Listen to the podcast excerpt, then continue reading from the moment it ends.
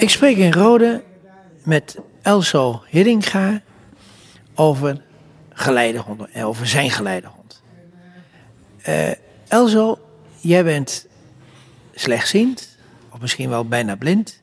En je bent, wordt ook langzamerhand wat dovig. Wat heb jij eigenlijk voordat jij eh, eh, eh, blind werd, eigenlijk gedaan? Nou, ik, ik ben van de lagere school afgekomen. Ik ben in 63 ben ik naar de in de tuinbouw gegaan. eh, tot 1970. En in 1971 ben ik als dierenverzorger naar de gemeente Hoogezand Sappemeer gedaan. En dat heb ik 33,5 jaar gedaan. Dus in 2004 ben ik gestopt met werken vanwege mijn eh, gezichtsvermogen. En hoe kwam dat? Eh, doordat ze in 2001 hebben ze die hoogziekte ontdekt, RP, rhinitis pigmentosa. Oké, ja. En in augustus zat ik zelf nog achter het stuur en dan reed ik nog vrachtwagen. Maar door, doordat ik eh, in 99 overspannen ben geworden, maar dan moet eens een keer weer overgaan. En toen constateerde een, eh, een arts die eh, vervangen was, die constateerde, die zegt tegen mij van, rijdt u nog auto? Ik zeg, ja, waarom niet? Nou, zegt ze, omdat je stekenblind bent. Ze zeggen, je komt hier niet eerder weer weg voordat ik een oogarts heb gebeld. Nou, die belde toen een oogarts. Toen ben ik naar Gredanus en Wenschoten gegaan. Dat was 2001. En eh, dus toen met de kerstdag heb ik alles al aan de kant gezet. Want toen bleek dat ik eh, minder zicht had als dat ik eigenlijk zelf in de gaten had. Mooi begin van het volgende jaar, hè? Ja, ja. En eh, daarom, eh, nou ja, toen, toen heb ik alles aan de kant gezet. Toen heb ik nog een paar jaar gewerkt. Maar ja, dat ging ook niet meer. De collega die ik zelf op had geleid, die had er moeilijkheden mee. En eh, die was me eh, liever kwijt als rijk. Dus en ze zegt, ik heb aan jou ook niks meer. Dat was heel, heel cru, maar ja, zij kon er niet mee omgaan. Alles viel, alles viel samen. En, eh, en toen kwam je uit het arbeidsproces. Ja. En nou ja, toen kwam ik het uit, uit het arbeidsproces. Nou ja, wat nu? Dus toen heb ik contact opgenomen met fysio. En daar heb ik eh, goede begeleiding gehad. En eh, ja, ik was eh, op Sappemeer, daar ben ik geboren en getogen. Daar had ik 62 jaar gewoond, maar dat heb ik toen in die tijd verkocht. En toen zijn we naar Hoge Zand gegaan, maar daar vielen de sociale contacten allemaal weg. En toen was ik via Visio hier in eh Rolde terechtgekomen. Eventueel voor later. Maar eh, ik heb van later heb ik eh, direct maar gemaakt. Dus en ik woon al vier jaar eh, woon ik hier in Rolde. Maar heb- je hebt toch nog wel een tijd thuis gewoond? Ik heb, ik heb nog op het achterdiep heb ik nog gewoond. Ben ik blijven wonen, eigenlijk 2004. En toen heb ik ook een geleidehond inmiddels aangeschaft. Gaan we het direct over hebben. Eh, eh, hoe, heb, hoe ben je bezig geweest om, je, eh, om, je, eh, om jouw leven nog een beetje leefbaar te maken? Nou, door middel van, van eh, contacten bij Visio. Maatschappelijk werk van Visio. En dan ga je... Kijk, en ik had mijn eh, werk nog wel eh, thuis. Maar ik had een paardenstal. En ja, daar zat zoveel werk in. En je brak je nek over je eigen spullen. Dus daarom eh, heb ik het allemaal verkocht. En ben naar de flat gegaan. En daar in de flat, daar, is, eh, ja, daar vielen de sociale contacten allemaal weg omdat je slechtziend bent. Dan eh, denken de mensen, want als ik binnenkwam, dan hadden de mensen zoiets van, als ik dan gelijk doorliep naar de lift, dan zeggen ze van, oh, hij wil ook al niks meer zeggen. Ja, dat, krijg, dat, dat soort problemen die krijgen altijd. Die, die problemen die heb je altijd. Ja, maar, maar je, hebt, eh, je hebt ongetwijfeld een aantal hulpmiddelen gekregen. Waar, waar, kon je een beetje mee redden? Nou, ik, ik kreeg natuurlijk doordat ik bij Visio kwam, ik was helemaal eh A, computer, of tenminste, ik, ik, ik had er helemaal niks mee. Maar toen heb ik een computer aangeschaft en ik heb eh, training gekregen bij Visio. En eh, En daar heb je nu veel plezier, hè? daar heb ik een hoop plezier aan beleefd. Ik had eerst uh, Zoomtekst. Naderhand heb ik Supernova gekregen. En toen de Focutext op de markt kwam, toen heb ik ook de Focutext aangeschaft. De Focutext is een, uh, een beeldschermloop. Ja, nou, het is, het is een beeldschermloop die ook voorleest. En ook Ja. uh, heel geselecteerd een bepaalde kolom kan voorlezen. Ja, Toch? ja, ja, dat is het. En, en die heb je zelf aangeschaft? Die heb ik zelf aangeschaft. Je vond hem zo goed dat je hem eh, zelf wou betalen. Ja, ja. En, eh, dus, en dat was daar eigenlijk de tweede die in Groningen toen eh, geplaatst werd.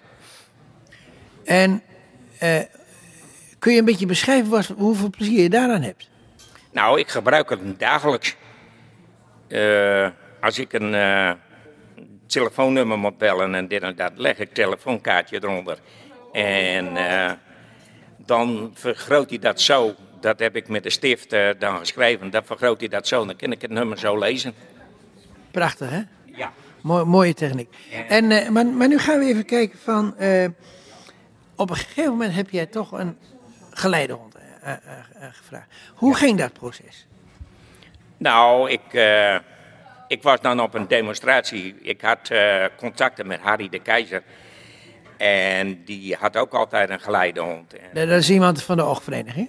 dat Van de was NVBS toen de tijd. Wat van toen in die tijd van de oogvereniging. Maar hij woonde bij ons op en hij gaf ook demonstraties en zo. Dus, en daar eh, had ik contacten mee. En die zegt van, eh, er is een, een demonstratie bij Visio van Herman Jansen. Ja? Hij zegt, is dat iets voor jou? Nou, daar ben ik toen zaterdags naartoe gegaan. En toen eh, heb ik met een hond gelopen daar op het terrein bij Visio. En eh, dat beviel me eigenlijk wel goed. Dus toen heb ik gelijk in werking gezet dat ik een, eh, een hond kreeg. Dus toen kreeg ik in 2007 heb ik een hond gekregen. Dat was mijn eerste En die heb je, heb je dus bij Herman Jansen vandaan? Bij Herman Jansenweg. En hoe bevalt dat? Dat bevalt me best. Ik heb nou ook eh, de vervolghond. Die hond van mij die is eh, anderhalf jaar geleden met pensioen gegaan. Die hebben acht en half jaar voor mij gewerkt. En ik eh, loop nou met deze nieuwe. Maar dat is even weer wennen, want die heeft een heel ander karakter als de oude hond. Oké. En, en als je even kijkt naar, naar het proces, het leren met een hond lopen enzovoort, hoe ging dat? Nou, dat ging hartstikke best eigenlijk. Want eh, ja, kijk, ik, ik, was natuurlijk, ik was natuurlijk zes jaar en dan zat ik al onder de geiten te melken. En jij was een buitenmens. Dus ik was altijd met dieren bezig. Ja. En doordat je dan eh, zo lang dierenverzorger was geweest, dan had je allerlei. En ik had thuis ook allemaal paarden. Dus ik was altijd elke dag eigenlijk met de dieren bezig. Maar dan heb je je stal in feite nou weer thuis gekregen. Zeg je? Ja, jouw stal, die, je- die je had eerder, Ja. die heb je nou weer thuis, hè? Ja, met ja, hond. ja, ja, ja. ja. mijn, mijn, mijn hobby was mijn werk. En, en, en nou ja, je hebt het nou eigenlijk ook met de hond. Het, het, het- daar heb je een hoop plezier aan. Het is gewoon een, eh, Maar het, het, het verbaast mij altijd dat er maar, eh, als een, een hulp of een geleidehond zo handig is, waarom hebben dan niet alle blinden een geleidehond? Nou, niet iedereen kan met een hond op, eh, overweg gaan natuurlijk. En niet iedereen die wil een hond hebben. Want er zit natuurlijk wel behoorlijk wat werk aan. Je moet hem wel vier keer per dag moet je hem uitlaten. En hij moet wel eh, de vaste tijden.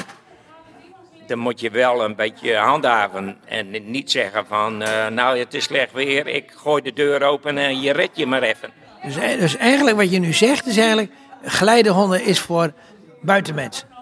Ja, voor, ja, ja, nou ja, voor buitenmensen of mensen die, die echt serieus eh, met dieren omgaan. Want niet iedereen die, die, die, die kan ermee omgaan. Maar zou dan 98% van de blinden niet zo dierliefhebber zijn? Nou, ze zijn misschien wel dierenliefhebber, maar die kunnen het toch niet opbrengen om met een hond te gaan wandelen. Precies. Eh, jij bent op een gegeven moment in eh Hendrik Kok gaan wonen. Ja. En eh, eh, had dat een reden? de Hendrik Nou, ja. Kok is een verzorgingshuis. Hè? Ja, maar wij wonen in de aanloop van Hendrik Kok, hè? wij wonen zelfstandig in de aanleunen. Oké, ja. Daar woon je eh, zelfstandig, want die woningen die zijn van woonzorg. Oké. Huur, die huur je van woonzorg. En dat heeft eigenlijk niks met Hendrik Kok te maken. Maar heb je wel verzorging van Hendrik? Maar wij hebben wel verpleging, verzorging. Maar dat is dan weer van Interzorg. Maar scheelt het dan dat eh Interzorg, oftewel Hendrik Kok hier en Ro- Rolde, dat die gespecialiseerd zijn in slechtziendheid? Ja, dat zeker. Daarom ben ik hier ook naartoe gegaan. Want het zijn allemaal mensen die visueel gehandicapt zijn. Ja, maar merk je dat, dat de, de, het personeel daar meer ervaring mee heeft dan, dan in andere verzorgingstehuizen? Eh, dat zou ik niet weten, want ik heb nooit geen andere zorg Ja, gehad. goed, dat is het probleem. Dat is het, dat is het probleem. Ik wou eigenlijk als laatste vragen, heb jij nog iets wat je graag zou willen vertellen? Nou, ja. Of, of is eigenlijk alles nu al gezegd? Nou ja, je, je kan er wel een hele dag over vertellen natuurlijk. Nee, natuurlijk. Maar, eh, Maar kijk, ik bedoel, ik, ik ben uit Hoge Zand ben ik eh, eigenlijk gegaan omdat de sociale contacten daar allemaal weg. eh, maar, maar, die, maar die sociale, heb je die nu, nu weer opgedaan? maar die heb ik nu weer opgebouwd. Nou, dan wens ik jou in ieder geval verder een heel gelukkig leven. Ja. En, Ja, eh, en dat je er echt wat van kunt maken. En mag ik jou hartelijk, hartelijk danken voor dit interview. Ja,